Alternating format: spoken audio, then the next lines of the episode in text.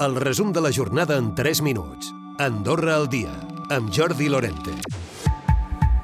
Discrepàncies sobre la crisi de l'habitatge entre l'executiu i l'oposició per tancar el debat d'orientació política. Pere López, president del grup parlamentari socialdemòcrata, i Xavi Espot, cap de govern. Qui ha posat llenya al foc tots aquests anys han sigut vostès. Vostès han animat a entrar desaforadament projectes de construcció. Obligarà el govern, entenc, a través dels corresponents projectes de pressupost, a construir 11.125 habitatges en 8 anys. El PS acusa el govern de fomentar una construcció desorbitada i no aconseguir que baixin els preus. Xavier Espot afirma que l'augment dels lloguers anirà lligat a l'augment dels salaris. Tot plegat retrets en aquest final del debat d'orientació política. Per cert, Tercera Via reiterava també que el govern és feble en la negociació amb la Unió Europea i que no dona tota la informació.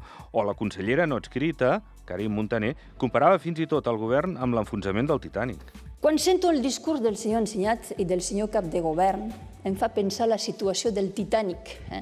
o quan va haver aquest xoc sobre l'iceberg, eh? és a dir, els músics continuava tocant eh? Eh? del violí i eh, quan la gent demanava què passa, què passa, no passa res, poca cosa un debat d'orientació política que s'acabava en les propostes de resolució. I encara parlant de l'habitatge, Rosa Gili s'ha mostrat sorpresa per les mesures que va anunciar dilluns el cap de govern per posar fre al creixement urbanístic. Escoltem la cònsul d'Escaldes.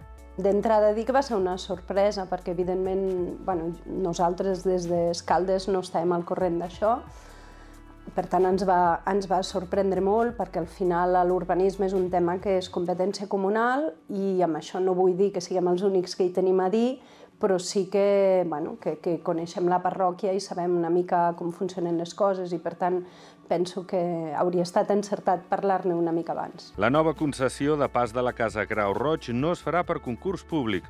El Comú d'Encamp ha trobat una altra fórmula que de retruc li evitarà vendre's les accions de Saetde. I la primera edició de l'Andorra Taste, el primer congrés de cuina d'alta muntanya, arrenca aquest dimecres. Escaldes en Gordany acollirà durant cinc dies cuiners i professionals de la gastronomia de renom mundial.